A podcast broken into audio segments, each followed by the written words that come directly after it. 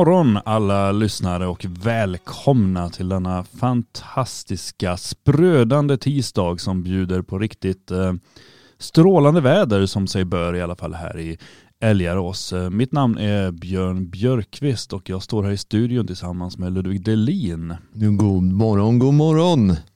Nu är det en ny dag. Uh.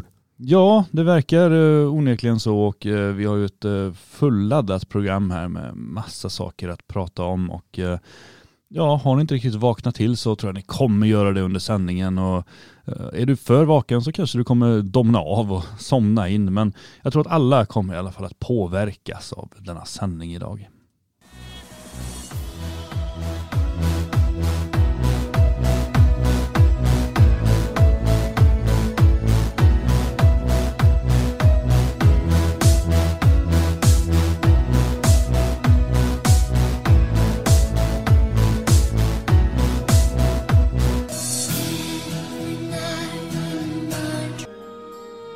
Eh, ja, har inte Céline Dion fått er att vakna så hoppas jag och Björn kan göra det i alla fall. Det här var en liten remix från den populära låten My Heart Will Go On från Titanic som vi pratade om häromveckan. Och, eh, den, just den här covern, var, jag berättade för Björn för han undrar varför jag spelar Céline Dion idag. Det är att eh, för er som var med i det stora memkriget en gång i tiden som vi kommer berätta om för våra barnbarn så var det en eh, video från eh, Säger man video ens? En film?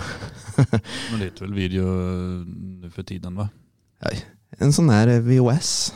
Nej det ser man inte. Nej men det var ett, i alla fall ett bra klipp på, som speglar hur det var i ett visst land på en viss era. Och det var den här låten med. Den får mig att tänka på diverse historiska figurer sådär kan man säga. Men i alla fall Björn, det har varit helg, Sverige vaknar, har eh, tagit eh, lite break, du har haft eh, fredagsting, du har haft eh, kväll med Svegot, du har haft eh, säkert familjeliv och helg och väldigt mycket jobb som vanligt. Jag vet du är helt belarmrad med, eh, med arbete just nu. Mm, jo det finns en del att göra. Så jag hoppas att det är bra i alla fall. Ja, vad fan, man ska inte klaga. det, nej, men det finns fantastiskt mycket roliga saker att jobba med just nu och det är, det är roligt. Ja, jo men visst är det så. Och eh, idag är det 20 april mm. 2021 ska vi komma ihåg och inte 1800, nej. Det är klart vi kommer ihåg. Så, ni i chatten, ni behöver inte oroa er. Ni behöver inte oroa er. Vi vet, vi vet. Men eh, i alla fall, vi ska ta en titt tillbaka i eh, dagens datum i historien, så mm. som vi brukar. Och här hittar jag faktiskt en ganska intressant sak som eh, jag vet du har haft ett ganska stort engagemang, tycker jag, i, i den här frågan. För att 1907, det här dagens datum, så eh, började de första svenska majblommorna att börja säljas i Göteborg. Just det. Eh, till, till förmån för eh, tbc-sjuka eller tuberkulos. Då. Mm. Och sedan grundade man första majblommans riksförbund av Beda Hallberg och det här fenomenet sprider sig egentligen i hela Norden och Estland till förmån för barn som, har, eh, som behöver extra stöd. Och idag är det väl mycket att de om man inte har råd att åka på skolresa och, och sådär då som, eh, som det är med. Sen har det visat sig, det har ju korrumperats längs, längs med vägen som allt, allt annat tyvärr. Men Eh, vad är din bild av de här första majblommorna? Och eh, tycker du att man ser lika många första majblommor idag som man gjorde förr? Nej, det gör man ju inte och naturligtvis inte eh, nu de här åren när de inte säljer några på grund av coronaskräck. Eh, då, då, blir det ju eh, väldigt få. Men eh, jag beklagar mig inte över det. Jag tycker att eh, Beda Hallberg var en imponerande kvinna på, på väldigt många sätt och eh, väldigt driven. Eh, Majblommekonceptet är eh, både intressant och inspirerande. Eh, hon och just hur hon kunde omforma verksamheten också. Det började med tuberkulossjuka och sen gick det vidare till fattiga barn eller fattiga familjer i allmänhet och idén då även att barn själva ska vara företagsamma och de ska framförallt att hjälpa andra barn eh, är ju en eh, sund solidarisk tanke.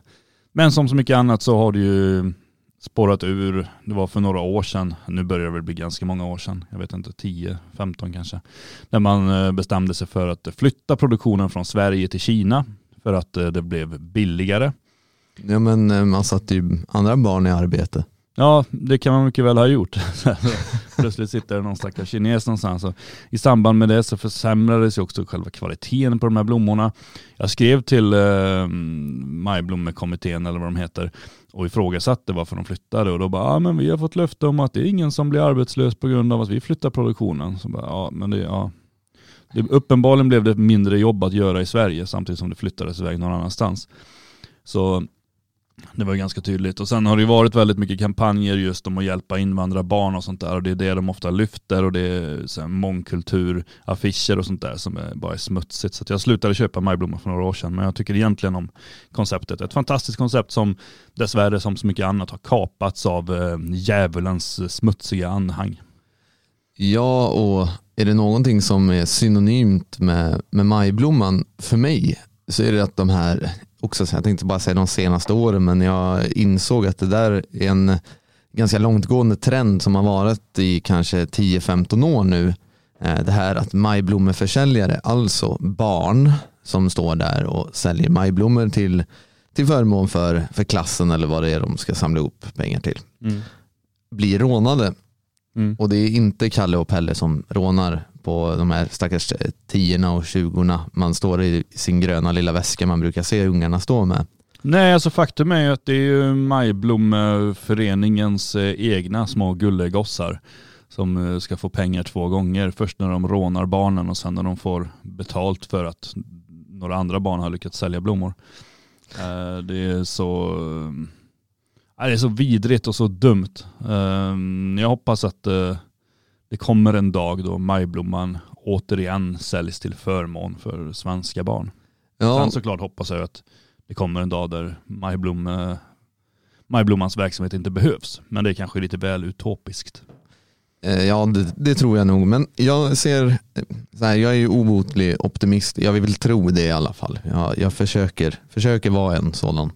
Men här ser vi ju en en institution egentligen som har fallit totalt i händerna på dels på mångkulturen, dels på liksom utförsäljningen, alltså globaliseringen av Sverige där man har outsourcat den här eh, tillverkningen av blommorna.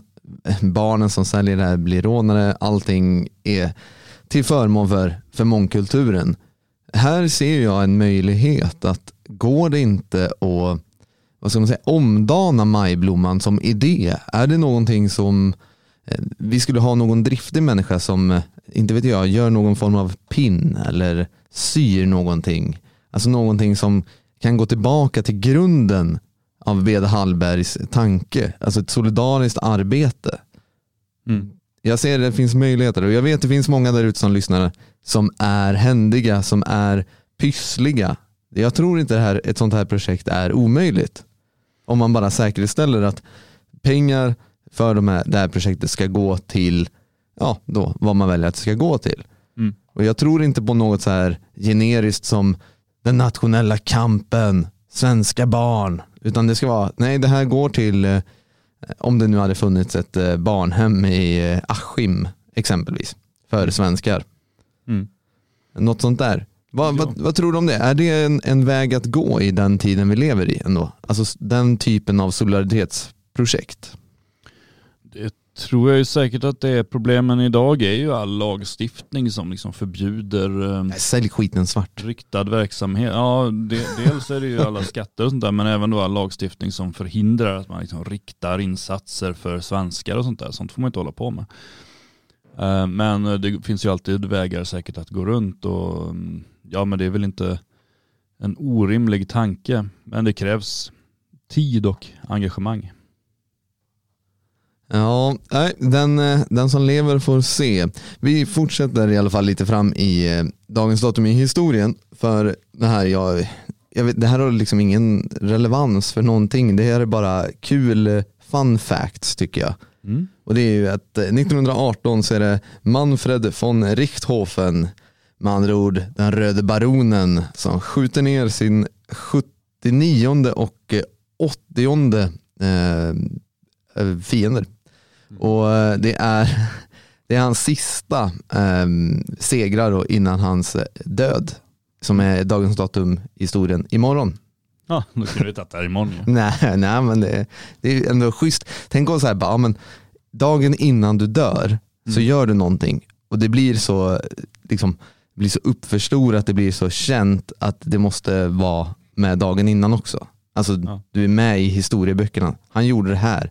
Det är som ja, Björn, han åt det här till frukost dagen innan. Alltså, men, va? Det, det är liksom så här, ja, men jag vill veta när han dog, inte vad han åt till frukost. Förstår du vad jag menar? Nej. nej. Men, alltså Manfred von Richthofen. Tycker du att det är bra att du pratar om det här eller tycker du att det är dåligt? Men vad är det nu? Shit, vad? Ja herregud. Nej, jag tycker bara att eh, vissa saker bör nämnas i alla fall. Det är, lite, det är alltid lite roligt.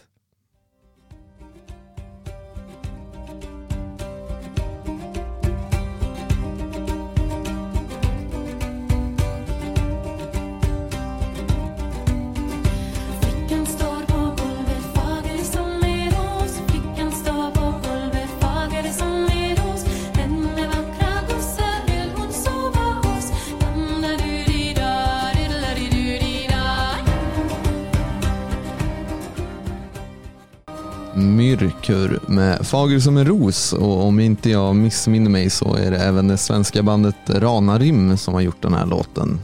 Tror jag. Ja, det kommer vi aldrig få veta. Nej, jag, jag tror inte det faktiskt. Nej, vi fortsätter här och bläddra oss igenom vad som har hänt denna dag i historien och vi eh, ramlar framåt stupa rakt in i 1978. Eh, den eh, svenska riksdagen röstade då eh, ja till en proposition om att ändra successionsordningen.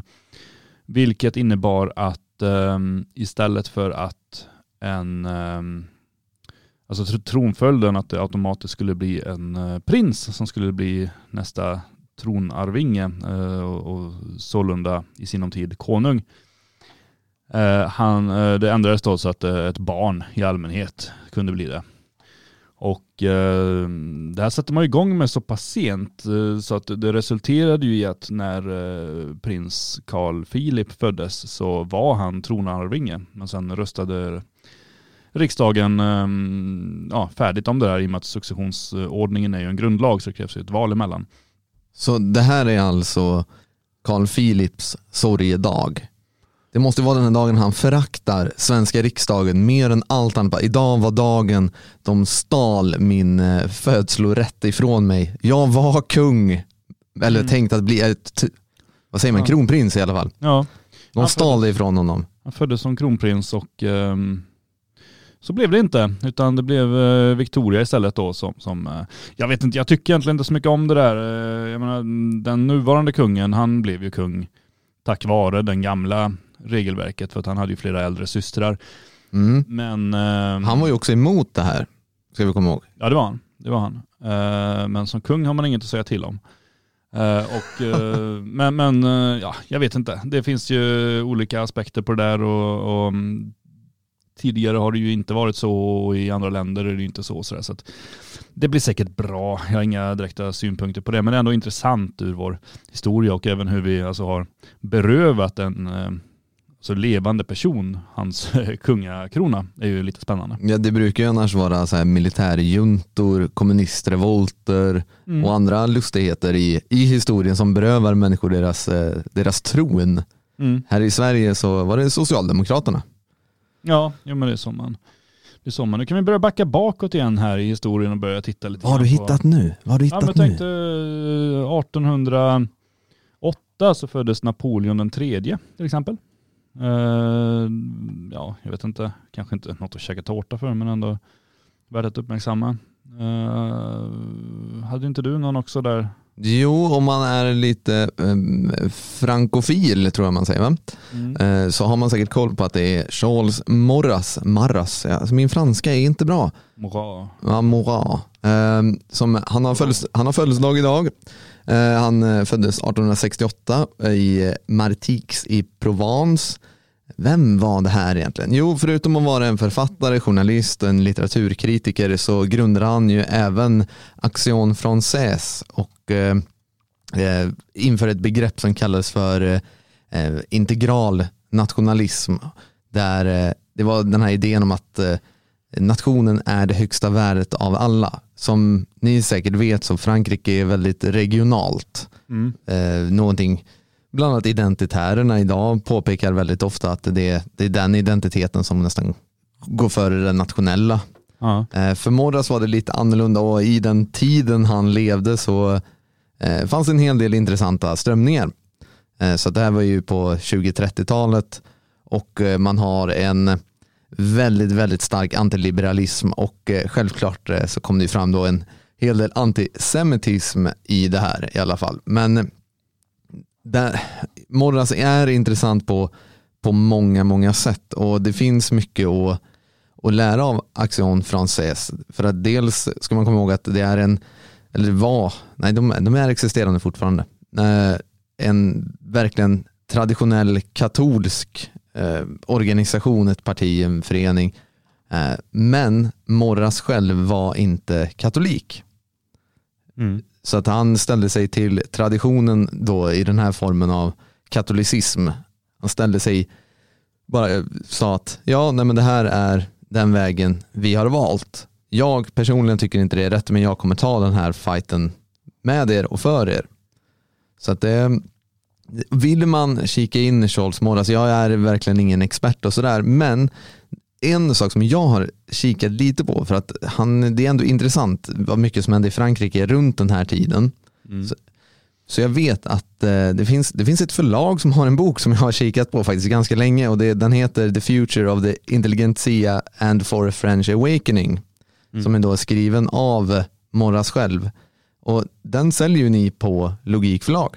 Ja, den finns där. Det är ju Arktos som har släppt den. Men vill man beställa i Sverige så är det enklast att beställa från Logik Förlag. Det är även eh, serien Nu, eh, en eh, liten introduktionstext av Alexander Jakob, Jakob som brukar ha mycket intressant att säga.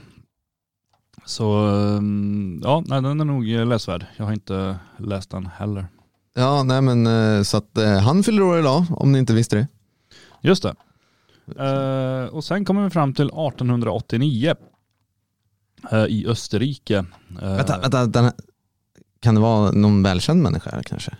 Ja, det är, vi brukar bara ta välkända människor för att annars kunde vi hålla på i timmar. Och ja, men vi tog, ju, vi tog ju Björn Borg, simmaren, som jag inte hade någon koll på Just förra veckan. Just det. Så bara säger du inte luras här nu igen. Nej, det här är Adolf Hitler. Eh, det är alltså han som eh, var partiledare för Tysklands nationalsocialistiska arbetarparti. Den Hitler som man tänker. Eh, ja, jag kan ha hört talas om honom. Det har du gjort Ludvig. Det har du definitivt gjort. Ehm, få människor har missat denna statsman. Mm, nej, men det är ju absolut en anledning och eh, kanske gå till ett café idag. Det var födelsedagsbarnet var ju ganska så känd för att gilla att själv gå på café och gillade att gillade söta saker och äta tårta och jag menar, bakelser. Jag, jag menar vadå, vem, vem gör inte det alltså egentligen? Ja men det är ju, jag, jag kanske hädar lite i, i kyrkan här nu. Men eh, när man är så förtjust i bakelser att ens eh, partikamrater och andra kamrater kommer och säger du kanske bör lugna ner dig med de här strufelnarna. Eller, eller vad är det? Strufel? De tyska bakelserna va? Eh, Strufel? Ja men det är något här, jag vet inte, jag kan inte tyskt eh, bakkonst.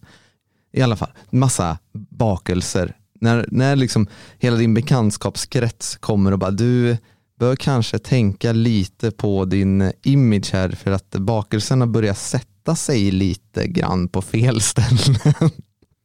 Nej, jag ska inte vara elak sådär idag känner jag. Men det är ju i alla fall en anledning att fika lite idag tycker jag. Men vem var det som sa det då? Så Göring va? Ja du kanske borde tänka lite. Det var väl innan han, eh, han la på sig det manliga själv liksom. Mm.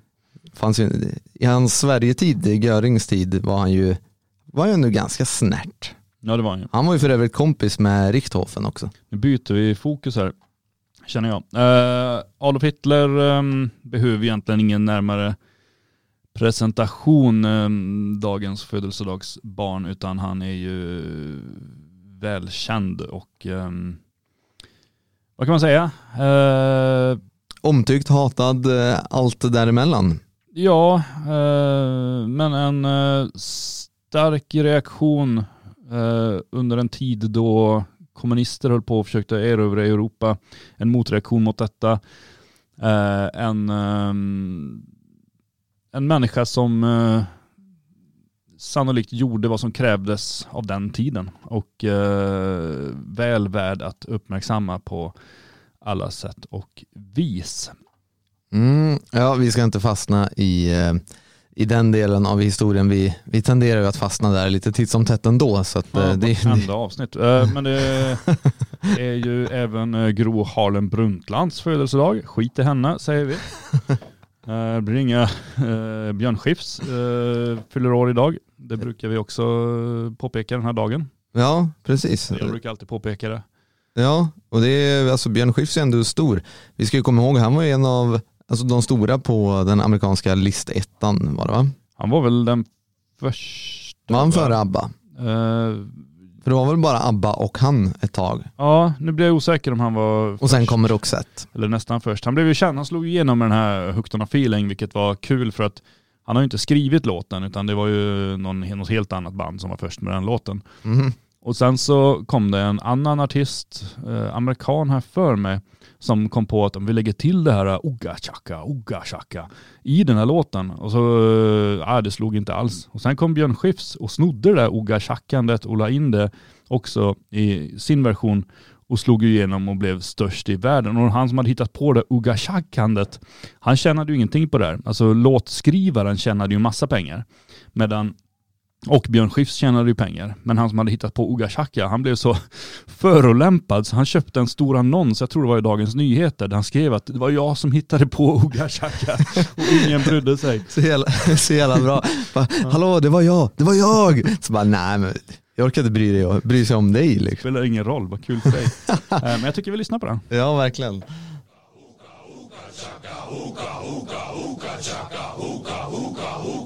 I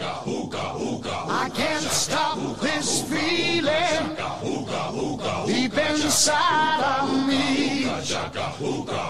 Girl, you just don't realize what you do to me. Björn Skifs med Hooked on a feeling och ska vi vara riktigt, riktigt korrekta så gick han ju under artistnamnet Blue Swede när han släppte den här. Ja, i alla fall på den internationella marknaden. Jag tror inte han gjorde det i Sverige. Eh, Det är men, jättekonstigt när han ska gå och beställa någonting i baren. Bara, Hallå, det är jag som är Blue Swede. De bara, nej men Björn, lägg av. eh, ja, verkligen. Ehm, Det ja. låter ju som en, ost eller någonting. Ja, det gör det. Eh, ja, en ost. Verkligen. Så här Blue Swede. Ja, Ja, det ja, det. så- Men det var det inte, utan det var en, det var Björn Skifs. en sångare. Eh, fantastisk sångare faktiskt. Och jordnära får man lov att säga efter alla succéer och sådär, så ändå väldigt, väldigt sympatisk i alla fall intryck av att vara. Nu Ja. känner inte jag någon privat, han kanske är en eh, demon, en eh, despot där hemma. Ja, det är ju vissa som, eh, jag kommer ihåg eh, lite man har läst så här skvallerpressmässigt, att han ska väl vara ganska dryg tror jag mot de som inte känner honom. Mm. Har jag fått den med att han ska vara lite, lite om och kring sig sådär när det är är- att ha att arbeta med. Och sen har de så pratat med de som känner honom, bara, nej men han är ju världens trevligaste. Så att han verkar ju ha en väldigt, väldigt skillnad där. Men min bild av Björn Skifs i alla fall, det är ju från den här eh, filmen med Susanne Reuters är med och massa andra svenska kändisar i Drömkåken. Drömkåkan, just det. Det är den, jag tänker alltid på den när jag tänker på Björn Skifs. Det är när han slår sig med tum, på tummen där och allt där. Den är, eh, nej, är en bra, bra svensk film. Just det, är den han håller på att bryta ihop och sen bara, nej, man skulle ta sig en kopp sprit.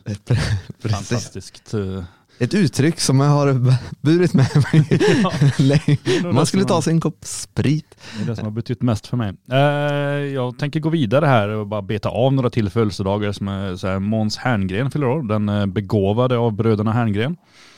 Eh, vilket Alltså, ju, men, vadå, gillar du inte Felix? eh, detta jävla praktanarkistiska lågliv till undermänniska med liksom kiss och bajshumor. Nja, jag tror inte det. Ja, men vi har- vi har ju ändå- över- Han har ju ändå skapat eh, Solsidan väl? Det är väl Felix som har skapat det och spelar i det. Ja, han är väl medförfattare. Ja det, det är bra men han är, han är en av flera där. Okej, men aha, är han. Men Papi Raul, ah, hemskt. Mm. Hemskt. Precis. Eh, Magnus Karlsson, illustratör. Inte Magnus Carlsson, Barbados eh, bög Magnus Carlsson. Nej, och inte Magnus Karlsson som står på ICA någon annanstans. Illustratör sa jag. det, Jaha, ja, okej förlåt. Jag ska, jag, ska, jag ska inte fråga och vara så här eh, vetgirig här. Eh, jo, men det ska det väl vara. Men, men jag var ju tydlig med vem det var. Eh, han eh, är ju känd för att ha en ganska säregen tecknarstil. Eh, slog igenom på 90-talet med eh, film, alltså tecknade kortfilmer som eh, Robin, Lisa, De tre vännerna och Jerry. Ja, det är ju min barndom det. Tre vänner om Jerry. Ja, precis. Damöb. Ja. Eh, och sen 2018 så gjorde han eh, en film som heter Så att det blir rätt tillsammans med, um, vad heter han? Han som alltid håller på med sina tråkiga diagram. Val, insett valfri politiker, tänkte jag säga. Ja. Eller han, tänker du på Marcus Oskarsson eller i TV4? Nej, nej, Han står också som alltid jätte- publicerar de här eh, cirkeldiagrammen på nätet. Nej, alltså valfri boomer. Chatten bara, nej vi tänker inte hjälpa Björn, han ska stå här nu hela sändningen. Det är, det är bra chatten, det är bra.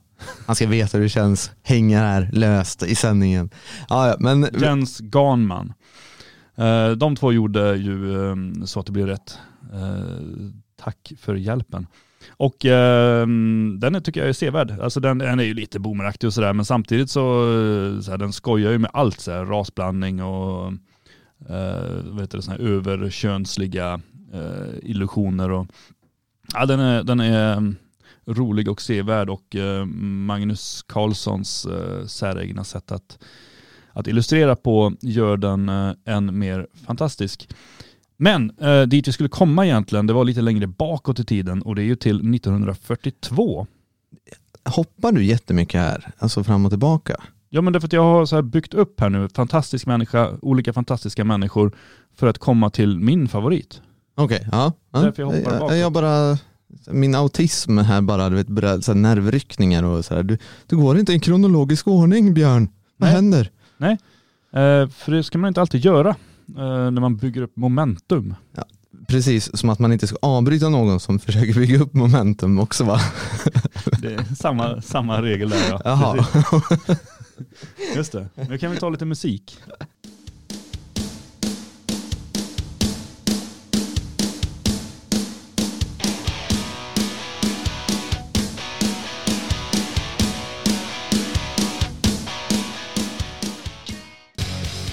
Know your enemy med Green Day. Det är viktigt att eh, göra det. Du Ludvig, Ja, om jag säger ehm, eh, till exempel eh, Harens år och de hängda rävarnas skog. det, det in, inte haremsår och de där. Ja, ja, nej. Hoppsan jag är död. Kollektivt självmord. Tio rivjärn. Snablar. Så säger du bara sådana saker så undrar jag hur du mår. Jag läser ju upp olika fantastiskt underbara titlar av eh, den finska författaren Arto Passilina som har födelsedag idag. Jaha ja, gratulerar på dagen. Han Ännu en anledning att äta tårta. Eh, absolut, och en kolossal anledning. Han dog ju tyvärr eh, 2018. Eh, fantastisk människa på så många sätt. Han samlade på bastuar. Extremt finskt kände jag där. ja. Eh, bara en sån detalj är ju eh, genial.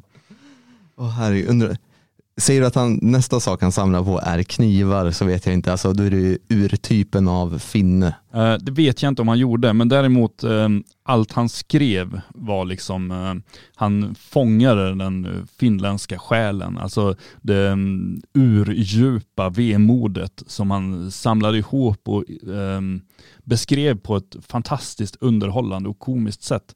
Så nästan alla hans böcker handlar på olika sätt om död och ångest och misär, men är alltid fantastiskt roliga. Man sitter och skrattar åt det.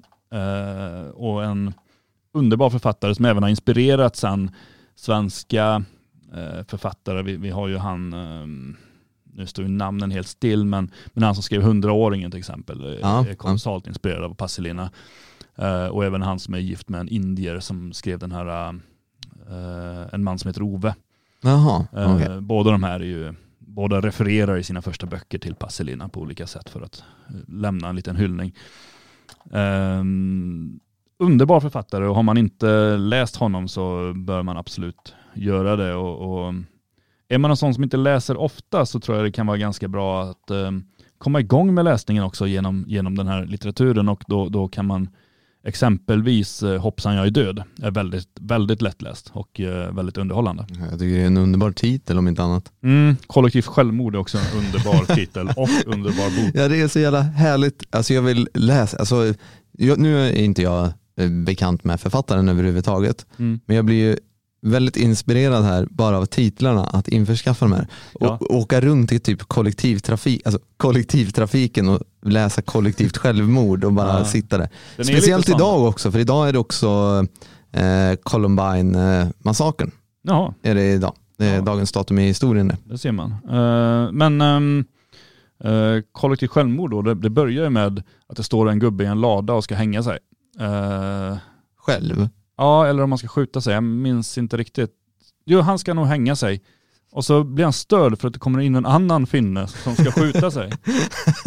Och så blir de så här liksom deras eh, moment de har byggt upp så här sabbas. Och sen kommer de fram till att eh, det här borde man egentligen göra tillsammans. Och så sätter de in en annons, så, här, så bara, är du trött på livet, hör av dig. Och så hyr de en buss och så åker de runt i Europa med målsättningen att ta livet av sig allihop. Och sen några så här på vägen kan inte hålla sig, så att de bara kastas ut på olika berg och sånt. Ja, den, är, den är jättebra, helt fantastisk. Ja, nej, det låter ju helt un- underbart. Men alltså, något som är nästan lika lika knasigt, vet du vad det är? Nej. Det är, jag läser här nu, 08.27 kom nyheten in. Eh, Den syriska regimen har ju fått utstå mycket spott och spe i västvärldens eh, alla medier. Man har blivit bombade, man eh, har introducerat hela den arabiska våren som kom till Syrien och Syrien led av, eller lider fortfarande av stora, stora problem. Det har varit inbördeskrig, det har varit, eh, ja, det ryktas om folkmord, kemiska vapen, det har varit allt möjligt. Mycket snack. Mycket snack och you can't Mossad de Assad ungefär. Eh, Men nu tror jag att Assad, han eh, kan räkna sina dagar. Ja, så. Ja, jag tror regimskiftet i Syrien är inte långt borta. För att den syriska regimen har blivit polisanmäld i Sverige. I Sverige. Ja, i Sverige. Vad har Det- han gjort? Har han åkt hit och så här snattat? Nej, nej, utan det är syrier som bor här i Sverige tillsammans med människorättsorganisationen Civil Rights Defenders. Och man har polisanmält representanter för den syriska regimen för krigsförbrytelser och brott mot mänskligheten. Mm. Vart läm- ett undrar jag, vart lämnar man in den här anmälan? Är det på den lokala polisstationen? Va- vad ska polisen Göran sitta där i eh, valfri svensk stad? Jag tar Örebro exempelvis.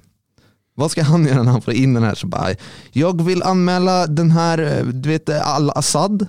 Mhm. Bara, ja, ehm, ja, för vad, vad, ska jag, alltså jobbigt så här för en du vet, kling och klang polis där sitta och behandla den här och så har du de här civil rights defenders som bara du vet gnäller om allting och bara shit jag måste göra någonting. Man kan inte bara avfärda, avfärda anmälningen och säga att men ni är dumma i huvudet. Det här är ju i Syrien.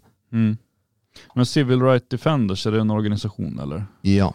Är det de här uh, som förr hette någonting Helsingforskommittén eller något? Ja, de har väl haft med dem att göra men det är väl även Civil Rights Defenders som har varit, nu är det helt taget ur luften och ur minnet här, det är väl de som har haft en del att göra med, eh, med BLM i ett tidigt stadium tror jag.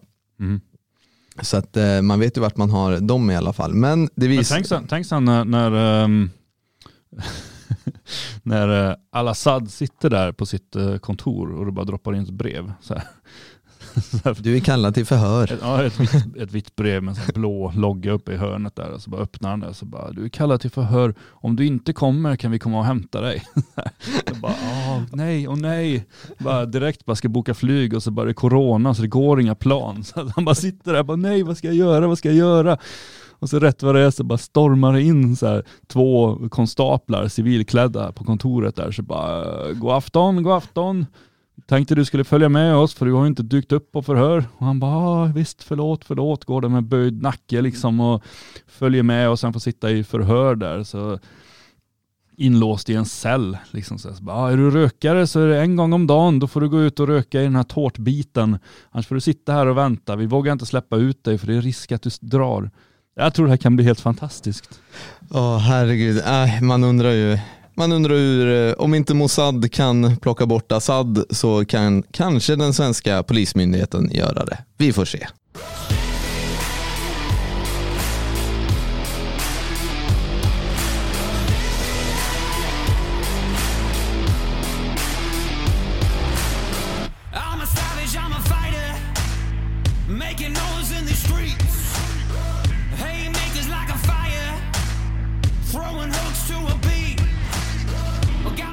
The Score med eh, The Champion. Ja. Så jävla bra. Så du bara, ja, ja, ja det, det var det. Ja, eh, det var det, det, var det absolut. Eh, Folk klagar ibland på att jag har för många flikar öppna i, i min um, Ja, men du har ju det. webbläsare. Du har ju, alltså det är ju så här, alltså man får ju spasmer när man bara går förbi dig i andra ärenden och så råkar man se i, eh, i ögonvrån din datorskärm. Inte att man ser vad du sysslar med, utan det är bara man ser, det är bara, det är bara fullt med flikar. Mm. Eh, precis, nu hittar jag uh, shownotesen. Uh, jag skulle bara säga att det brukar inte vara ett problem, men idag var det där lite grann här för att jag eh, kom ifrån, tappade bort här. Men nu, nu är jag tillbaks. Ja men det är bra. Det är bra att du, det är bra att du är tillbaka på, på banan i alla fall. Mm. Sådär. RFSU, ut ur skolan. Mm. Ett eh, pressmeddelande som Det fria Sverige släppte här igår.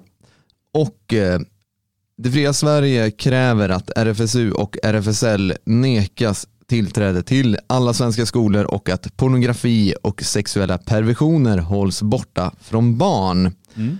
Eh, och Det här har blivit ganska omtalat. Det är grundat från Eh, alltså att Riksförbundet för sexuell upplysning, RFSU, har lämnat ut eh, utbildningsmaterial på flertal skolor där man pratar, eller man, man beskriver väldigt ingående och man har olika bilder då för barn i fjärde klass. Om eh, ni som har barn i närheten, stäng av nu om analsex och att det skulle vara mer könsneutralt då än traditionellt vaginalt sex och hur man sysslar med eh, fisting och mycket annat sjukt som inte barn bör läsa överhuvudtaget faktiskt. Och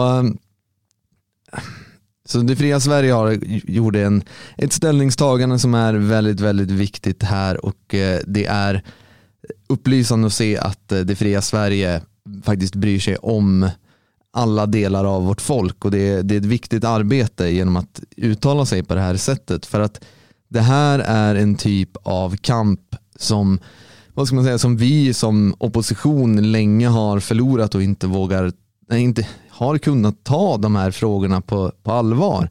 Nu med internet så kan man göra det som du försökte göra förut Björn, att man bygger upp ett momentum mot det här. Och alternativmedia har ju ringt den här, eh, en skola som har varit eh, en skola som har varit utsatt för det här utbildningsmaterialet. Och eh, även rektorn ställer sig väldigt tvivlande att ah, men det låter inte riktigt bra, jag har inte läst det själv och så vidare. Det visar ju på den här propagandan som sprids till barn och hur viktigt det är att ta den kampen och det är viktigt att belysa hur sinnessjukt det är där ute. Jo, alltså gre grejen är ju om vi backar lite grann så materialet är väl framtaget för typ högstadieelever. Mm. Eh, sen har ju den här skolan då, eller kuratorn på skolan är det väl, som har valt att eh, lägga materialet utanför sitt rum så att folk som sitter och väntar på att komma in där kan läsa och då är det ju även då är det barn från fjärde klass och uppåt som går på den skolan. Ja, men vad är det? Alltså varför går man till kuratorn i fjärde klass? Alltså nio av tio gånger, det är, självklart det kan vara barn som har problem och sådär, eh, riktiga problem som man behöver prata om. Men ofta, nu talar jag av egen, egen erfarenhet, det är ju att Ludvig, varför har du slagit Pelle? Eller varför har ni bråkat om det? Ni skulle, och det var ungefär, ja men han tog min bandyklubba eller han tog bollen. Alltså den typen av problem varför barn är hos kuratorn. Ja. Ska de sitta där, eh, liksom, eller om det är människor som har problem hemma, barn, exempel som de behöver prata om. Ska, ska de behöva sitta och läsa om det här? Det, det, är, ju- det är sinnessjukt. Ja, jo, men det är det. det, är det. Eh, och alltså hela materialet i sig verkar ju vara fullständigt urartat. Så att det är ju svårt att, ehm, jag, jag tar det inte i försvar kan jag ju säga. Eh, Utan, ehm, Nej, utan det är väl just, ehm, alltså i, i sammanhanget så är det ju dock värt att nämna just att eh, inte ens RFSL har ju riktat det till så pass små barn som det har blivit riktat till genom någon oaktsam kurator som har tyckt att det här är lämpligt.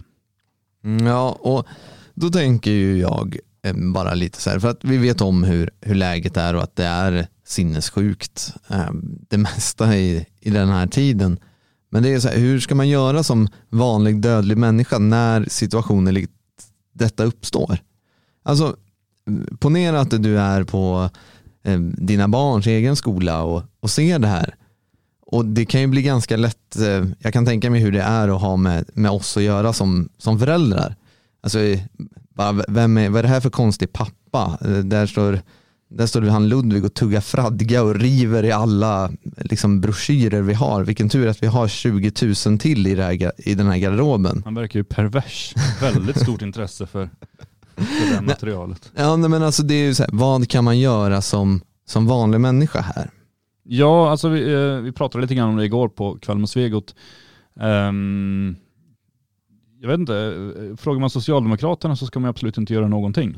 För att det är ju ett himla liv just nu om att eh, en förälder har haft synpunkter på undervisning. Och det får man inte ha, eh, utan man ska bara eh, lyda. Man ska eh, lydigt skicka iväg sina barn till den statliga skolan och sen ska man helst inte prata med dem förrän de fyller 24 och har lämnat lumpen och är färdig eh, indoktrinerade. Men om man inte är socialdemokrat så tycker jag väl att man ska protestera. Man ska slå näven i bordet. Um, och vill man inte det då får man väl smyga runt på skolan och stjäla materialet och bara slänga det. Ja, men det blir ju också, då hamnar man i en väldigt konstig sits där eh, Lite pinsamt sen bara eh, ha, ha i protokollen så här att man har stulit så här pornografiskt material på en skola. Ja, och vara den här vuxna som smyger omkring på en skola också. Eh, Ja, det är också konstigt. Nej, det är väl bättre kanske att ställa till en scen då. Ja, och en sak eh, som slog mig här är att hur viktigt det är att faktiskt lära känna andra föräldrar, alltså på den här skolan. Hur viktigt det är för oss att, att vara ett, eh, vad ska man säga, ett eget team av, av föräldrar där ute. Alltså om man bor hyfsat nära varandra och sätter barnen i samma skolor så har man en helt annan möjlighet att påverka. För att ensam är inte stark i de här fallen. Däremot är det en högljudd minoritet av föräldrar i de här föräldragrupperna eller föräldraråd eller vad det än må vara. Mm. Då kan det få verkliga genomslag. Och, eh, kanske inte på alla skolor men på väldigt många skolor där ute. För jag tror många känner igen sig med det här att eh, i mindre städer så är man också rädda för föräldrar. Är det någonting som eh, skolan här, är det någonting värsta lärarna vet, eller skolpersonal överhuvudtaget, det är ju arga föräldrar. Man hatar, det kan jag förstå av andra anledningar också. Jo. Men man kan verkligen alltså starta riktigt, riktigt drev. Och om du som eh, enskild familj tar hem barnen när det är liknande liksom, sådana här dagar där man ska prata om fisting exempelvis och tänker att nej men det här ska inte min son eller dotter behöva få höra. Betydligt för ung och vad gör det i skolans värld överhuvudtaget. Det, det är en unge men låt säga att det är sju ungar ur samma klass. Nej, det är för få människor för att kunna ha den här klassen. Alltså det går att lägga fram det på ett helt annat sätt om man är fler. Och det visar ju återigen hur viktigt det är att organisera sig på den orten man bor på. Mm. Det är så extremt viktigt. Ja, vi, vi kan hålla på och beklaga oss över pornografiskt material som sprids till våra barn. Absolut. Det är förjäkligt och det ska angripas på alla nivåer. Men vi måste ju göra någonting. Vi kan inte vara några, ursäkta språket här nu, ursäkta alla kvinnor som lyssnar, men vi kan inte vara ett gäng kärringar som sitter och bara beklagar oss, utan det handlar om att agera, göra någonting åt det här. Och då är det enda rätta är att organisera sig lokalt så man kan gå tillsammans. Ta en timme ledigt och dra ihop farsorna liksom, som är rekorderliga nationalister och säg, bara förklara för läraren man kan förklara att bilar kan gå sönder, fönsterrutor kan gå sönder, plocka bort det här. Mm. Det är, alltså, sen kan man göra det helt andra. Har ni en förälder som är advokat, ja, men hota och stäm dem. Hota och stäm skolan. Det, det går att göra massa saker. Jo precis, det är egentligen ju bara fantasin som, som sätter gränser men eh, det viktiga är ju i alla fall att det väcks en diskussion och att de möter motstånd och patrull när de försöker liksom med, med fullständigt vansinniga grejer. Ehm, RFSU och RFSL eh, saknar liksom anledning att finnas i skolan. Så är det bara. Ja, och alltså hela vridningen i skolvärlden, vi vet om att det är en liksom vänsterinstitution som försöker hjärn, hjärntvätta våra barn dag ut och dag in och försöker lära dem en form av beteendemönster för att bli en god socialdemokratisk medborgare. Som sagt återigen, det är väldigt svårt att ta den fighten själv. Se på han eh, så kallade SD-pappan som sa ifrån till läraren eh, som hade bara överhört en, eh, en lektion då som var på, på nätet i dessa pandemitider. Mm. Så det, var ju hem, det är ju inte hemskolning riktigt heller men jag tror ni förstår vad jag menar. Mm. Eh, och det har ju blivit ett jäkla liv kring det här, om den här eh, lokalpolitikern, vilket fick självaste utbildningsminister Anna Ekström att gå ut och bara förklara att eh, nej, man ska inte hålla, hålla på på det här sättet. Och försöker någonstans anklaga att det är eh, pappans partipolitiska åsikter som inte hör hemma i svensk skola. Man försöker måla upp den här bilden av att den svenska skolan någonstans skulle vara något objektivt överhuvudtaget. Han har ju inte fel i sin kritik att nej, men det här är ju vänsterextremism ni sysslar med. Det, ja, ni måste förstå här att det här, alltså Johan Norlin, den så kallade SD-pappan, han är kommunfullmäktige, ord, alltså kommunfullmäktiges ordförande i Hörby. En, egentligen det högsta hönset i Hörby. Mm. Han kan inte säga vad som helst till, eh, alltså kritisera sin, sin egna barns lärare utan att det blir stora drev. Vi måste förstå vilka krafter det är bakom att kritisera saker i skolans värld. Därför är det viktigt att organisera sig och vara flera på det här. Jo men det är alltså det för att skolan är ju vänsterns, en av vänsterns absolut viktigaste plattformar. De har jobbat stenhårt för att ta över skolan. Eh, dels med lagar men också genom att placera sina eh, fanatiska anhängare där. Människor blir inte lärare liksom för att de vill eh, Eh, lära barnen liksom de grundläggande kunskaperna utan för att man vill påverka barn, för att man vill indoktrinera barn. Eh, och det här hänger helt i, i linje med eh, liksom 68-rörelsens grundläggande idéer. Och man har ju lyckats. Just nu så styr man skolan. Nu är man skolan. Och det här måste man vara medveten om som förälder. Och ställ till en scen. Var den jobbiga föräldern. Var jobbig. Var bråkig. Därför att du, du, du bråkar liksom inte med en människa som är där för att lära dina barn utan en människa som är där för att hjärntvätta dina barn.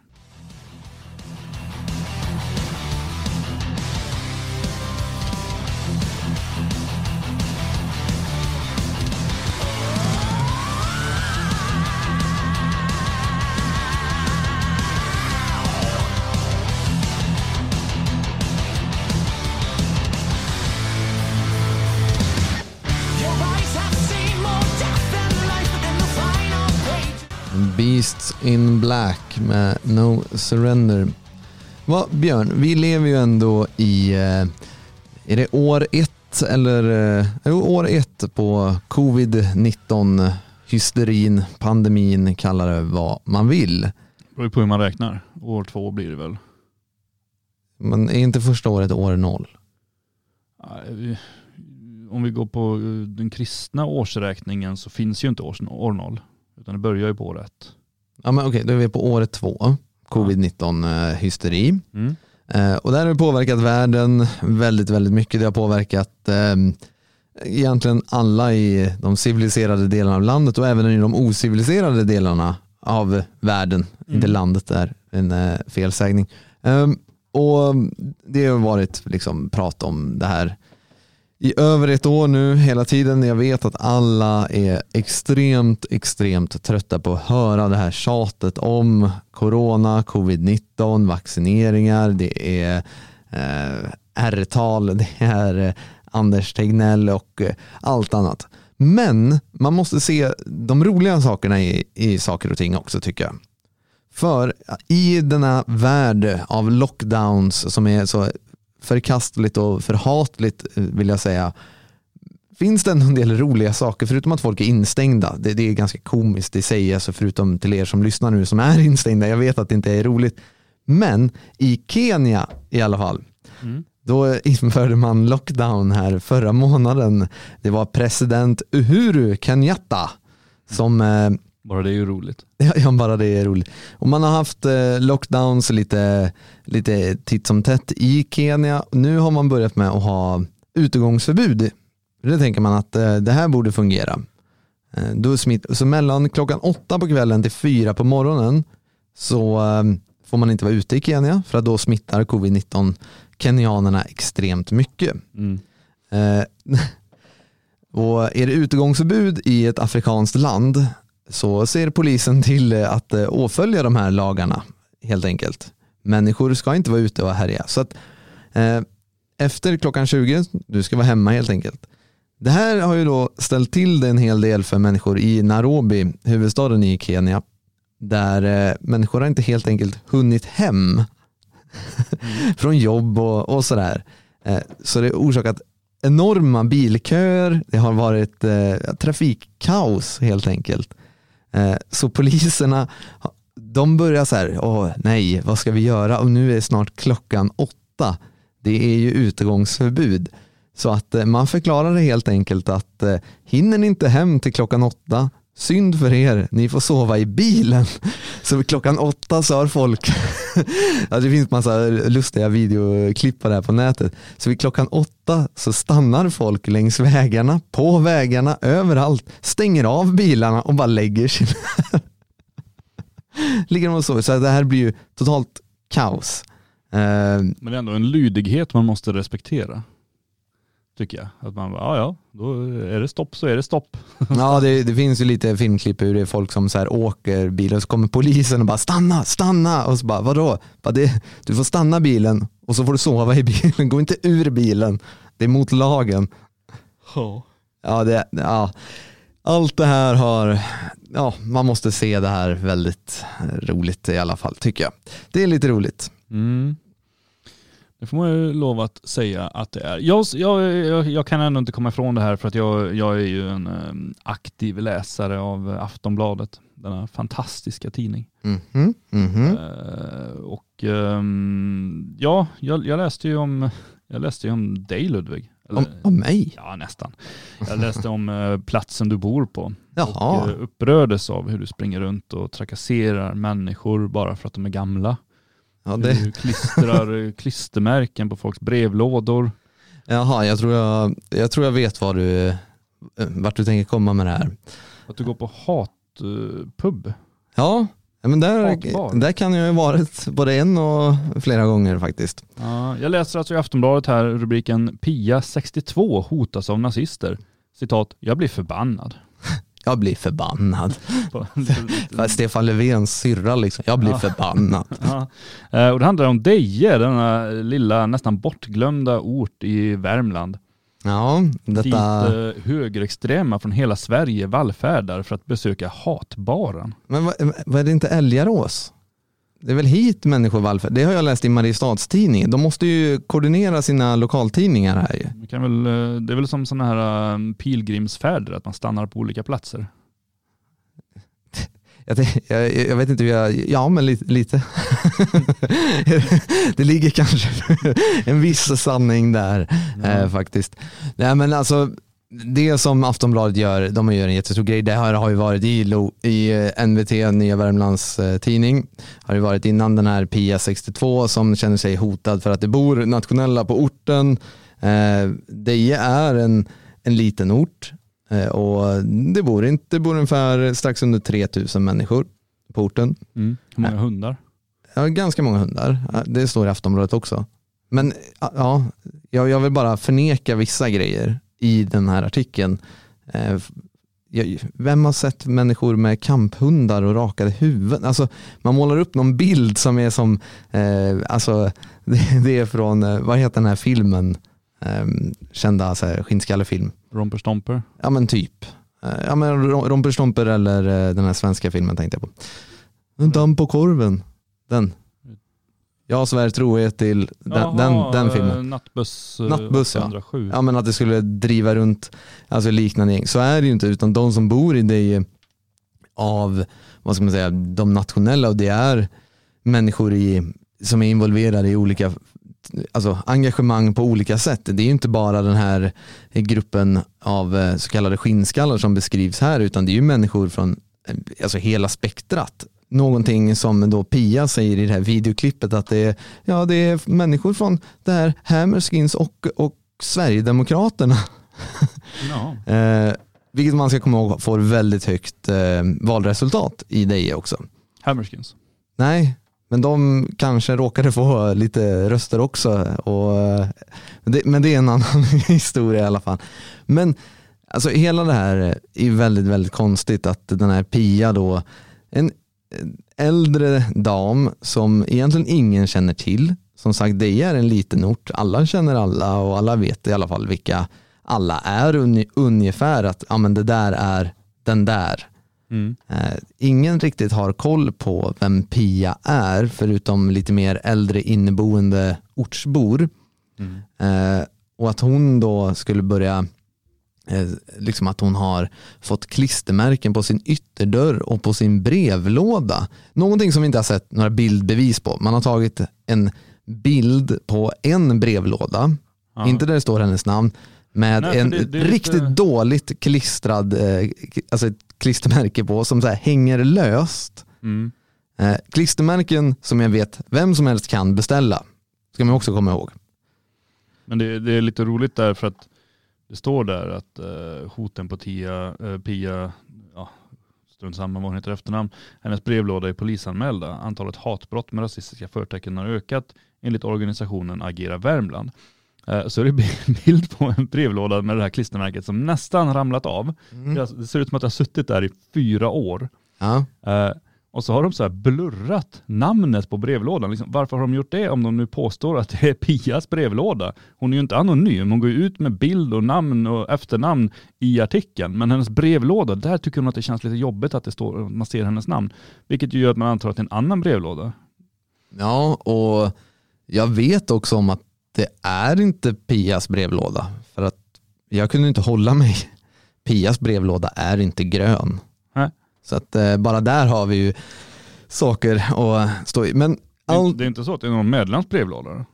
Alltså någon som är med i Hammerskin som har satt ett klistermärke på sin brevlåda? Det vet jag inte. Det skulle, skulle kunna vara så. Eller så skulle det kunna vara bara att man har hittat något klistermärke någon annanstans som har suttit dåligt och satt det där för en bra bild.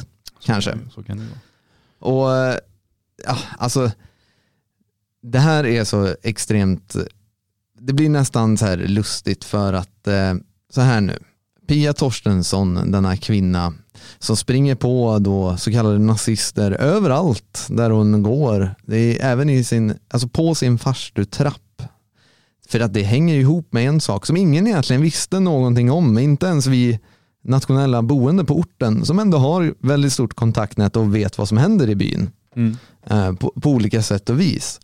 Eh, detta hade ju dock undkommit oss. Men eh, det är tur att Pia förklarat att det här beror på att eh, hon har ju ett demokratiprojekt som hon vill dra igång Mm. tillsammans med två andra bland annat en regissör och en författare. Ja, alltså jag ser ju fotot, jag har det framför mig just nu på dessa tre personer. Och jag vet inte, hon Pia där, jag tycker det är lite synd. Hon ser ut som en trevlig tant. Eh, Förvisso, hon säger att hon är 62, hon ser ut att vara runt 80, men hon ser ju ändå liksom, hon ser ut som en, bys, en mysig eh, bulltant liksom.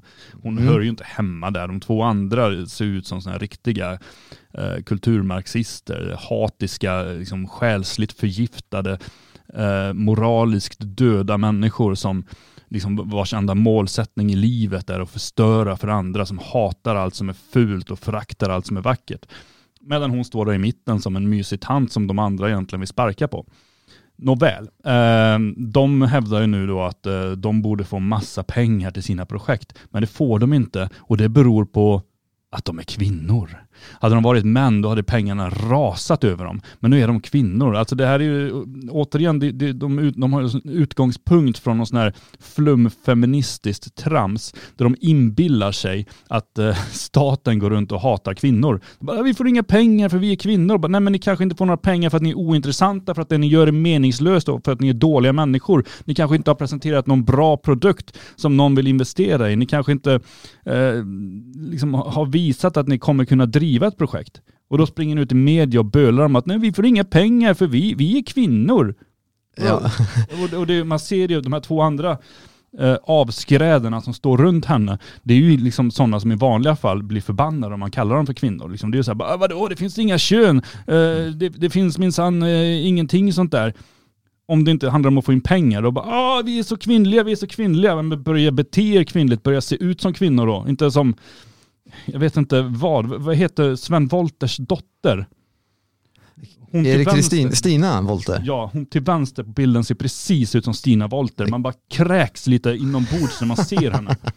Eh, ja, eh, så är det, så är det. Men vad gör hon Pia där?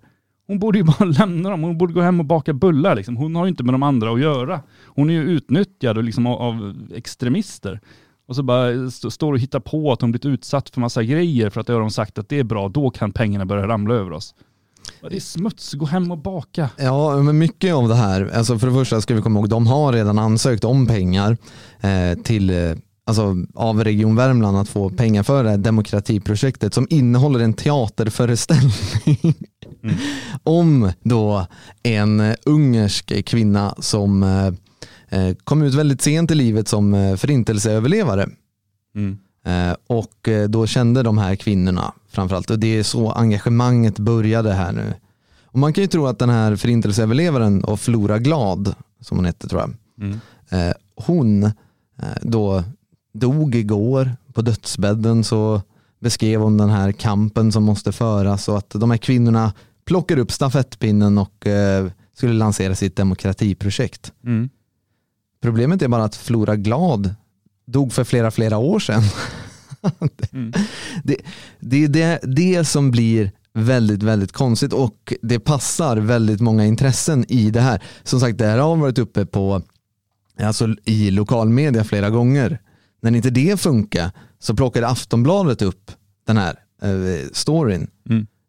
Det har inte skett någonting. Alltså, aktiviteten eh, runt om är inte av den eh, Alltså, man, alltså, alltså- det, är ju, det är ju inte våldsamt, snarare våldet har gått ner i det för att det, det är människor på orten som faktiskt håller koll. Man håller koll på varandra, man håller koll på så att det inte sker. Det finns, jag vet det finns flera olika former av kommunikationsvägar där så här, vad händer hela tiden. Mm. Det har snarare blivit lugnare. Jag vet människor som, alltså, dels bara att det har stoppats eh, ungdomar som håller på och härjar, det har stoppats invandrarbråk, det har stoppats, alltså alla möjliga saker har stoppats på grund av att det bor massa så kallade nazister på orten. Jo men läser, läser man Aftonbladet och de ska försöka förklara varför det är så hemskt så, så det, det är ju inga, det är inga hemska saker de hittar. Det är de här klistermärkena då som hon hävdar, som det inte ens finns några fotobevis på. Mm. Eh, sen är det att Nordiska motståndsrörelsen har varit och spelat kubb. Det är, Man bara nej, nej, de spelade kubb. alla vet, de ska bara veta. Jag vet också om att det har spelats brännboll. Nej, Oj, oj, ser, det finns ju ingen, finns ju ingen eh, hejd på, på vansinnet. Nej, Eh, nej men och däremot så kommer de ju med alltså, rena lögner också i vissa fall. Mormödrar som inte längre får träffa sina barnbarn sedan dottern gift sig med en nazist. Eh, Det berättas om föräldrar som tvingats ta avstånd från sina egna söner. Vad är det? Vilka föräldrar har tvingats ta avstånd från sina egna söner? Nej, ingen. Nej men om det skulle vara så, då är det väl i så fall, det är väl inte nazistiska föräldrar som tar avstånd från sina söner, utan det är väl i så fall eh, alltså marxister, vänstersinnade som tar avstånd från sina barn. Och det är väl i så fall inte nazisternas fel, sönernas fel. Det är ju i så fall sinnessjuka jävla efterblivna kärringar som, Praktmongon. ja, som står och tar avstånd från sina söner. Det är väl ingenting man kan, det är, ju- det är ju på grund av liksom sådana som Aftonbladet och sådana där. Eh, och så här om hur grannens pöjk, bara, det blev ett över också. Bara, Vad hände där? Plötsligt ett Men det ska vara lite värmländskt. Ja men ett ord i hela texten. Om grannens pöjk, eh, som man sett växa upp, plötsligt blivit nazist. Vad är det hemska? Åh nej, han tycker annorlunda. Se vad fruktansvärt det här är. Ja. Jag tycker det är lite kul att de lägger ut ett foto på, på um, Birger Furugårds eh, bostad. Jag har nog Ja. sett den tror jag. Snälla ni på dels Aftonbladet, eh, ni som lyssnar eh, i Agera Värmland, de här självutnämnda så kallade nazistjägarna. Eh, läs på lite i historien. Det är de facto inte Birger Furugårds hus. Nej. Titta på huset bredvid istället. Era jävla praktmongon. Är det så? Ja, Jaha, då, får jag, då har jag fortfarande inte fått se du ska, Furugårds jag, ska visa dig Furugårds hus. Det Ska jag visa. Men alltså man går ju också till attack mot de här, säga vad man vill om, om skinnskallar generellt, så här. men det här är ändå en grupp som finns på orten och när det var som värst under coronapandemin, Mm. som alla små liksom, bruksorter och landsorter runt om i Sverige så finns det en åldrande befolkning. Mm. De här har ju lidit väldigt hårt i pandemin av olika skäl. Mm. Och då gjorde man helt enkelt så att man satte upp eh, informationsblad på eh, många ställen där människor rör sig, runt affärer och så vidare i Deje, där man förklarade att, eh, att Hammerskins hjälper äldre med ärenden, man hjälper att handla matvaror, skotta snö och alldagliga saker för att kunna ha ett någorlunda normalt liv. Mm. Det här, det här är ju jättehemskt, verkligen.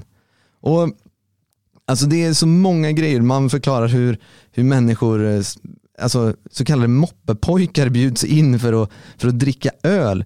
Det här var ju också så här, jag var ju tvungen att snoka lite i det här. Så här har, det uppstått, har det varit någon händelse som åtminstone kan tolkas som det?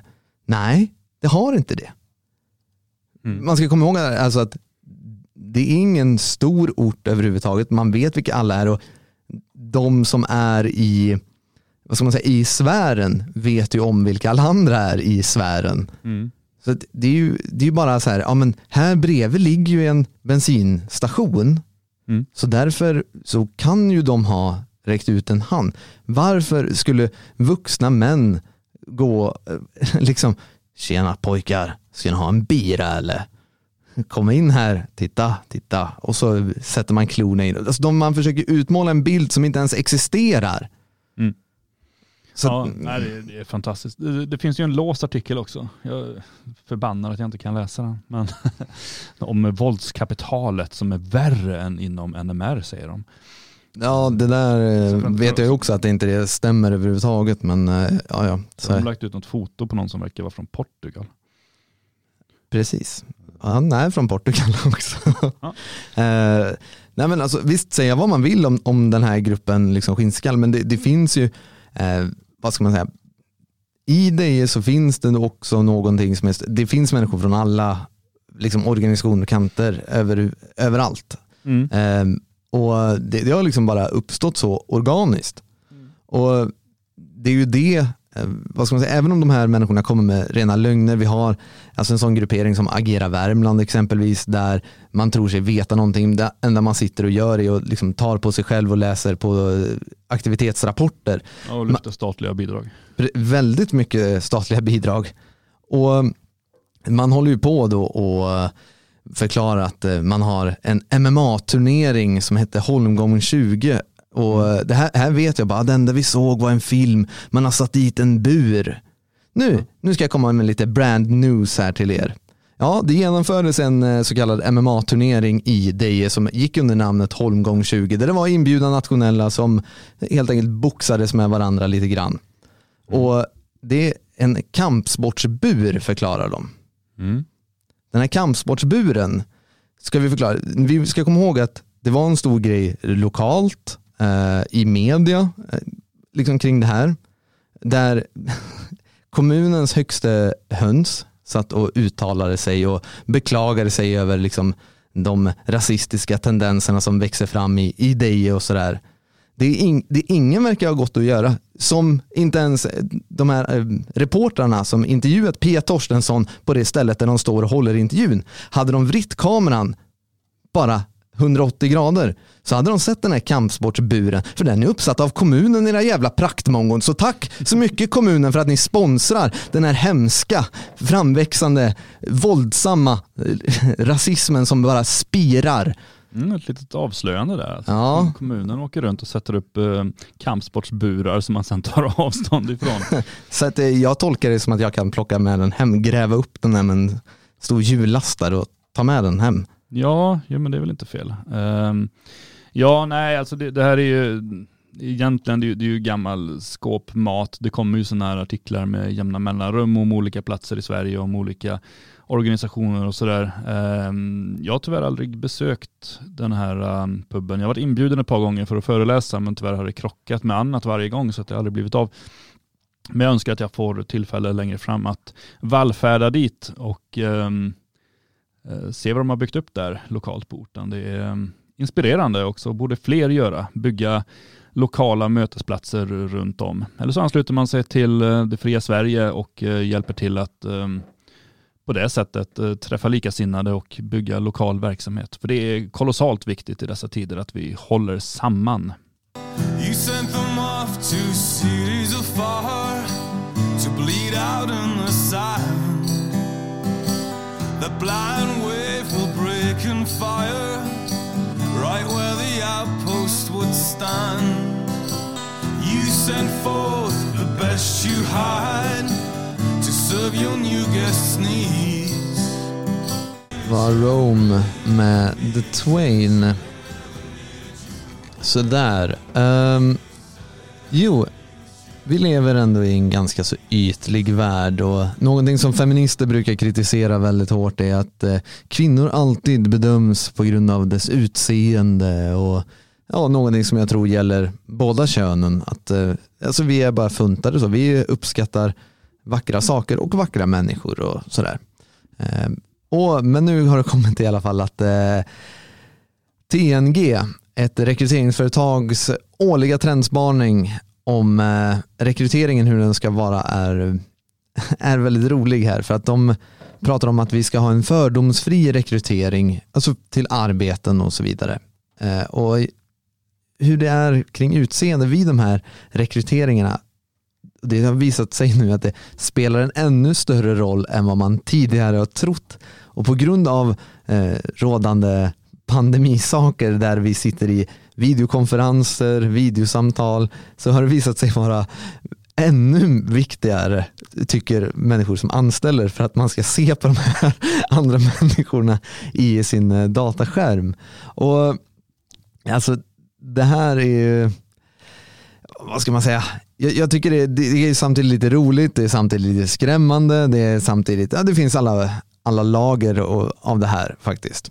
Eh, jag tycker att människor ska bedömas utöver sin lämplighet till arbeten, alltså vad de har för meriter och vad de kan och så vidare, inte på grund av, av hur de ser ut. Men det är samtidigt intressant på en, vad ska man säga, på ett evolutionärt plan hur eh, så kallade vackra människor, eh, det går bättre för dem än för så kallade fulisar. Sen, Jo, men det gör det ju precis, alltså, och det vet man ju. Och precis som det går bättre för långa människor.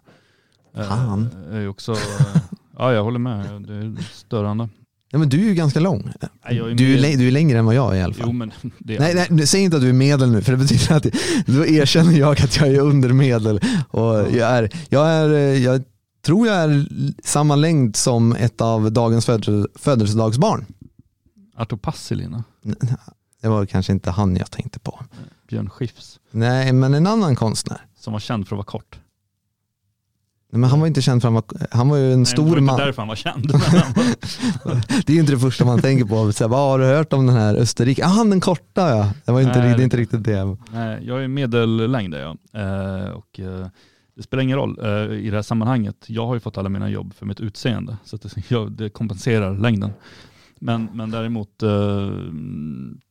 är det ju så. Men jag står ju och läser det här nu och jag läser eh, chefsartikel om det här och jag, jag förstår inte hur man mäter det här riktigt. Jag menar, det, det är väl inte så att man Jo, jo, men när man har mä- mätt den här eh, undersökningen, när man har gjort undersökningen, har man så här, okej hur, hur ska vi göra, hur vet vi att de snygga får? Då Ja. måste man ju kategorisera människor redan där. ja, Bara 30% av de snygga fick eh, jobbet. Ja. Eller vad, Och hur får de fram, alltså jag förstår inte hur de får fram det. Sitter de då först, kontaktar de först alla arbetslösa och så bara höger, vänster, höger, vänster. Så bara, ja, du är medelmåttig, du får gå i mitten där. Så. Och sen ut och sök jobb nu. Eh, men så, vem får det jobbet som gör den här undersökningen? På vilka grunder då? Bara, du är jättebra på att bedöma människors snygghet. Eller fick han jobbet bara för att han var snygg? Man vet ju inte. Nej, det, det, mysteriet tätnar det här tycker jag. Ja, eh, och sen mäter man då på något sätt. Jag, jag förstår inte hur man räknar ut det här, för jag tror inte att man kontaktar arbetsgivare. Så bara, varför fick den här människan jobbet? Så bara, ja, hon var snygg. Det tror jag inte att någon arbetsgivare säger, utan Nej, man vågar ju inte säga det nu heller. nej, och, Jag kan förstå om det är så i vissa fall där absolut. eh, män anställer kvinnor. Och det, det är någonstans, vet att- men överlag, jag menar vadå, skulle jag sälja, eh, så skulle jag behöva telefon, eller inte telefonförsäljare, jo men sådana som säljer telefoner på stan, mm. så hade jag väl valt snygga killar snarare än eh, fula killar. En, Jo, men- en jo, jo, men- säljare ska väl vara attraktiv för det motsatta könet. Det är väl liksom viktigt. jo, och men, även i kundkontakter överlag eh, är det väl viktigt att ha, det är väl klart att man, man tittar på det. Sen är ju inte det det enda man tittar på och, och det finns ju, alltså förmågan att sälja kan, kan ju baserat på många saker men det är väl klart att, att, att vara snygg är väl en, en fördel i sådana sammanhang. varför tror du att eh, Lamborghini, Ferrari, Porsche och alla andra de här eh, mer exklusiva bilarna, det är alltid eh, schyssta, schyssta fruntimmer som står där och ska sälja dem. Ofta, inte alltid, det finns alltid kunniga snubbar som står och säljer bilarna också. Men det är ett sånt knep som i alla fall bilbranschen har vetat om väldigt, väldigt länge. Mm. Att vill man sälja saker till eh, män med en ganska hög inkomst Mm. så kan man använda sig av eh, snygga damer som står och eh, pratar om produkten.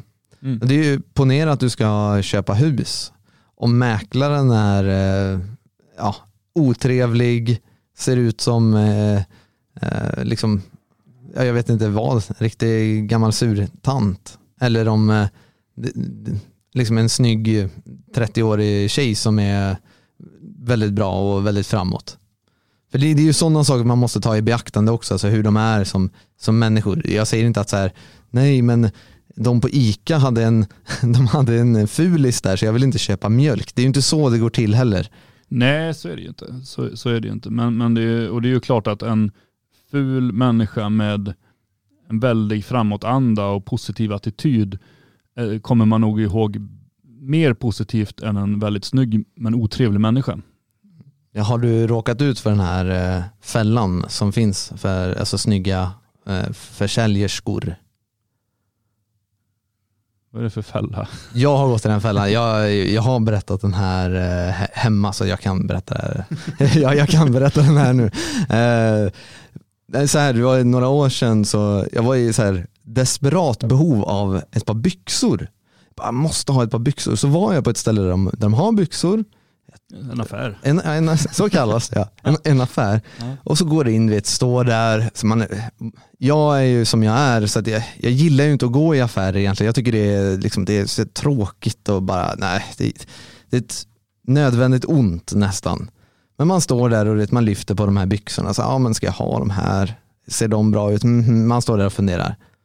Och så kommer det fram, du vet, en, en så här eh, kassörska eller försäljerska och så bara, du, i de där byxorna, jädrar vad snygg du hade blivit. Och man bara, På riktigt? Menar du mig? Tack. Och så går man, och så helt plötsligt var man, så kommer man, hem, kommer man hem med ett par jävla byxor.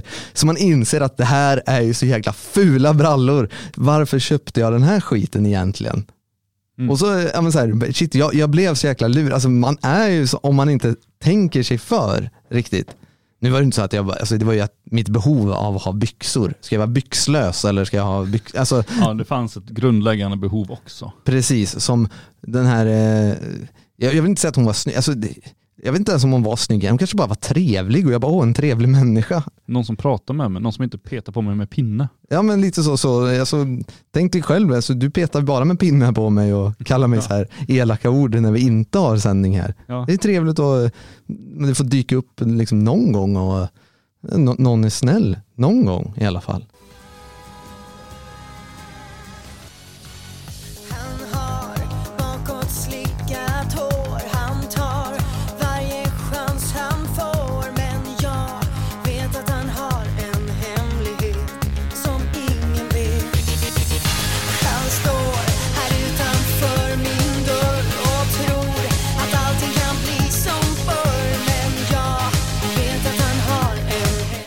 Jag eh, älskar att människor i chatten förstår mina, mina musikreferenser till eh, vissa filmer. Det är alltid trevligt. Och sådär. Men Björn, eh, idag klockan åtta, vad gör du då? Eh, idag- Lyssnar du på podd eller är du med på medlemsmöte för det fria Sverige? Eh, nej. På båda? Nej. Nej. Nej. Där sätter jag ner foten. Eh, det gör jag inte. Jag vet att ikväll så är det medlemsträff och ikväll så är det podd. Det är ju på gamla och nya stigar eh, där de ska prata om Frankenstein ikväll. Mm. Eh, Men eh, jag sitter faktiskt och jobbar då och går igenom grejer med gamla logikägarna för att få ordning på en del saker som jag inte riktigt har förstått än. Lite grann hur hemsidan funkar och så. Igår så la vi ut i sändning att vi hade tio exemplar av eh, Till mina legionärer som vi hade hittat som var slut ganska länge. Eh, och att En man- bra bok. Bra Ja. bok. och man fick köpa den om man ville då och den gick ju blixtsnabbt. Så att sen i, i musikpausen så upptäcker vi ju att vi har sålt 12 exemplar, vilket var lite olyckligt så att vi får ju hålla på och krångla tillbaka. Och det finns en liten grej där tydligen där man kan restnotera. Eh, och den låg som att det var möjligt att restnotera, vilket eh, ställde till det. Men nu är det, sen, ja, det blev ju borttaget då. Men det är lite sådana detaljer och grejer som jag behöver lära mig och gå igenom så det kommer jag sitta och jobba med ikväll. Så om man vill eh, ha bra böcker och ställa till det för dig så kan man så här gå in på logik.se och eh, bara hetsbeställa böcker. Mm. För vi har ju sagt att vi måste försöka ta det lite lugnt med att göra reklam för logik i början och det har gått sådär vi, har ju, vi har gjort reklam för eh, revisionisttitlarna och så den här grejen igår och så. så att det rasar på, vi har massa beställningar liggande och vi har inte eh, en helt koll på lagret. Så att jag håller ju på just Ja men det är ju ändå förståeligt också att man inte har koll på hela lagret. Alltså folk verkar, men hur svårt kan det vara? Alltså vi, vi pratar, det är tusentals böcker i lagret. Ja, Det är, det är, och extremt många titlar också. Ja det är det. Så nu håller jag på att gå igenom bok för bok på sidan och eh, lägger in de titlar som är slut. Det är inte så många som är slut men det är några stycken. Och sen så är det flera av Logiks egna titlar men de har vi ju lagt in en stor beställning på, på nu eller om vi gör det idag. Vilket gör att snart så kommer de att finnas så att vi inte tagit bort just dem utan då får folk vänta ett par veckor. Men ehm, sen finns det ju andra titlar, så- alltså till exempel antikvariskt material var ju någon titel som låg att inte var slut som hade beställts och det krånglar till det mer för att de kommer ju inte tillbaka utan det, det är ju titlar liksom från 1930-talet som inte bara kan beställas igen. Mm. Att, På tal om gamla böcker, det här har inte jag berättat för dig. Igår hade jag ju en, eh, eh, vad ska man säga, en liten fadäs eh, när vi pratade i telefon. Eh, så jag var fast på ett ställe där jag inte brukar vara fast. mm, Eh, då hade jag faktiskt möjligheten för jag gick där och rullade tummar lite grann. Då upptäckte jag bredvid där jag befann mig en antikshop. Jag bara tänkte, ja men jag går in här och kikar lite, eh, fördriver lite tid. mm, Ja, ja, det var svenskar som hade det och allting. Ja, det såg trevligt ut. Så frågade jag efter hur de hade med böcker och sådär. Man, man har ju det lite i sig, så man, måste ju kika vad, i alla fall vad som finns. mm, Och, eh, och där, då hittade jag faktiskt två titlar från var alla böcker för en femma. Mm. Så jag hittade en, eh, var av Ernst Haeckel, en naturlig skapelsehistoria Mhm. Hit- från 1882 Mm. för fem spänn i riktigt schysst skick och eh, en berättelse av, eh, vad heter han, Karl, ja det är i alla fall om eh, Donau-monarken i krig Mm. från Österrike-Ungern. Eh, titlarna är väldigt intressanta då de beskriver stora skeenden i Europa och i världen och det som är intressant med boken från 1882 är alltså beskrivningen av olika människotyper. Mm. Det är eh, fullt med, jag vet inte hur vetenskapligt det är eh, alla gånger, men det finns en hel del sanning i det. Men hur man såg på världen då, även om det var, kanske var fel då, det är fel nu, jag vet inte. Eh, men alltså det är så hemskt politiskt inkorrekt hade människor nog sagt. Det är hottentottar och det är kafferer, det är alla möjliga lustiga ord som dyker upp överallt och man beskriver människor på ett ganska nästan komiskt sätt. Mm. Och det, det är så underbart att läsa sån litter, alltså litteratur som inte existerar. Vi pratar alltså sidvis där man går igenom aboriginer, hur, hur de är. Alltså jag kan ju aldrig läsa upp den här, då, då blir jag liksom inlåst för gott. Ja, det går väl om man tar lite avstånd och sådär. Eh, kan man väl göra. Men jag kanske ska ta med mig den då. Ja, men det låter ju roligt. Det, Alltså det är som alla folk. skulle- Alla folk. det skulle vara kul att få titta lite i den i alla fall. Ja, men det är något speciellt alltid när man håller i en bok som är en bit över hundra år. Eh, nu börjar vi ju snart komma in i en tid där, där ganska mycket av ens eget bibliotek närmar sig hundra, men, men just när de är, går bak en bit in på 1800-tal och sådär. Jag tror min äldsta bok är väl någon geografibok från sent 1700-tal och det blir något speciellt när man håller i dem, bara vet liksom att fan, de här har gått från eh, liksom hemmabibliotek till hemmabibliotek och de har liksom eh, åkt runt i, i familjerna och säkert eh, betytt väldigt mycket för människor en gång i tiden när, när böcker inte var eh, så pass vanligt eh, i hemmen. Så Ja. det är en speciell känsla att hålla i de här gamla verken och veta liksom vilket, vilket arbete som låg bakom att skapa dem på den tiden. Ja, och, men jag, jag kan inte hålla mig ifrån att eh, alltid bli lite, li, lite sorgsen när man besöker sådana här ställen också. För att det var, ja men de kostar fem spänn, här är för, för övrigt en låda. Den, det är bara att ta, säger de. Ja. Och jag blir så här, jaha, nu var ju visserligen det väldigt mycket skräplitteratur i den här lådan. Mm. Eh, och så pratade lite med hon som hade själva affären och hon förklarade att mycket kommer in från dödsbon och vi får ju slänga otroligt mycket. Mm. Man blir alltid lite sorgsen när man tänker på hur många litterära verkligen godbitar som bara kastas. Mm. Jag pratar med människor som jobbar på stora återvinningscentraler.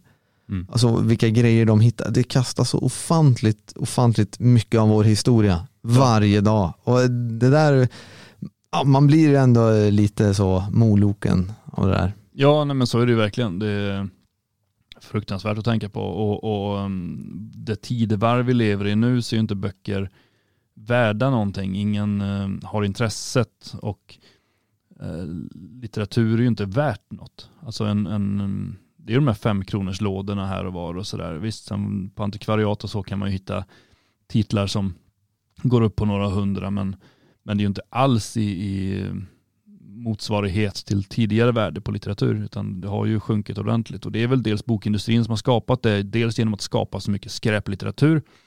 Eh, alltså mm, sådana här dussin romaner, kioskvältare, liksom sånt skräp. Mm. Och eh, massproduktioner av allting. Vi, vi har ju den här gamla bokrean som kommer varje år där förr var att man sålde ut titlar för att det kom mycket nytt till våren. Mm. Eh, nu massproduceras det liksom billiga böcker istället som säljs ut på bokrean Eh, och det, det blir inte alls samma, samma sak och hela, hela mm, alltså bokvärlden har ju förändrats och förfulats vilket är tråkigt. Jag hoppas att vi på Logikförlag Eh, bidrar till en mer positiv eh, anda kring böcker. Ja men det tror jag ändå ni, alltså ni gör ett väldigt, väldigt viktigt arbete det ni gör på, på logik och ibland när man är ute, i alla fall jag, i de här antika affärerna, antikvariater så ser man den där titeln. Du ska bli min.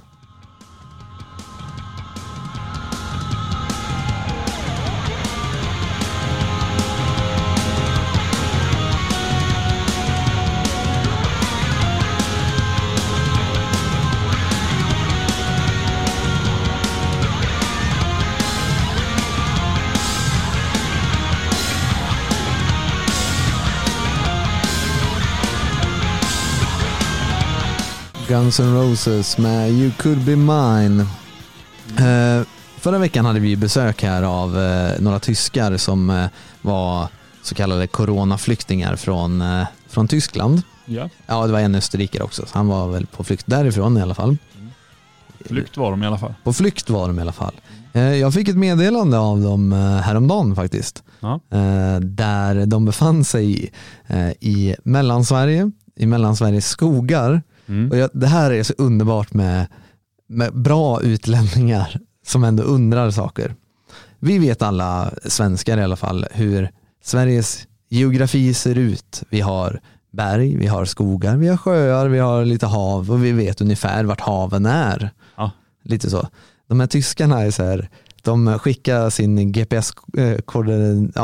GPS-position vart de var. Ja. Verkligen mitt i Sverige. Och man bara okej, de är mitt i skogen verkligen. Och så Ja. bara, hej Ludvig, nu har vi kommit hit. Vet du någon bra sjö här i närheten?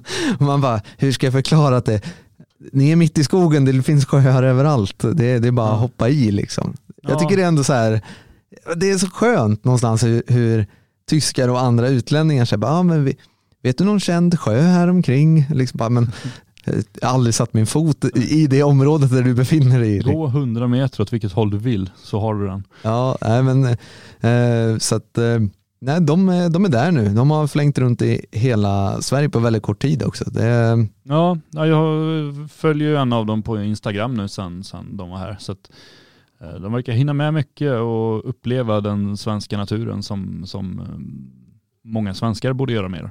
Ja, jag tror det får mig, alltså det kliar ju lite i så här, ja, men jag, jag vill också åka iväg på olika saker och se allt det här. Mm. Och man blir påmind om hur, hur viktigt det är att göra sånt här för att annars så hamnar man i sitt lilla hamsterhjul och man ser, många liksom svenskar av idag ser bara sina väggar inne i lägenheten eller radhuset eller villan och sen så åker man till jobbet och kanske inne på ICA däremellan.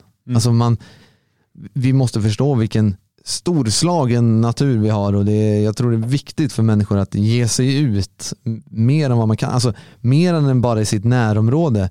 Bor ni på eh, östkusten, åk till västkusten och vice versa. Mm. Har ni inte sett eh, Österlens eh, vackra fält, åk dit.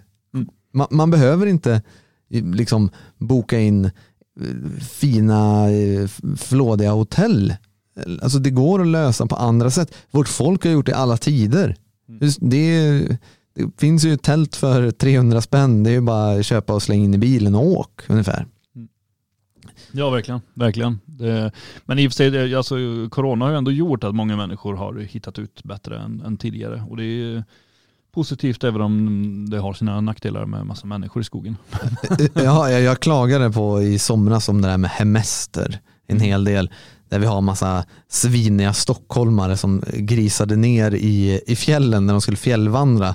Det har aldrig varit så mycket skräp i, i fjällen och hundar som är lösa och ja, men, vet, helt galna grejer. Ja, jag hörde igår på radion att, att eh, det har varit eh, kolossala bekymmer i ehm, eh, vandringsleden upp till Kebnekaise för att eh, det, det finns ju inga toaletter längs vägen. Och eh, nu när det är så pass många som går, det är ju betydligt fler, ehm, det är typ 50% till som promenerade där förra sommaren så, så blir det extremt mycket avföring och toapapper och skräp längs eh, vägen upp där.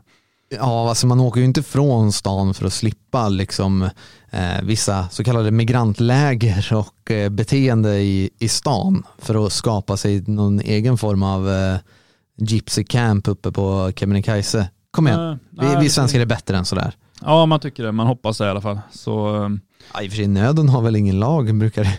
Nej men så är det ju, men det finns ju olika sätt att sköta det på och som de sa, man kan faktiskt ha med sig en påse liksom och ta med sig det och slänga det vid närmsta station sen.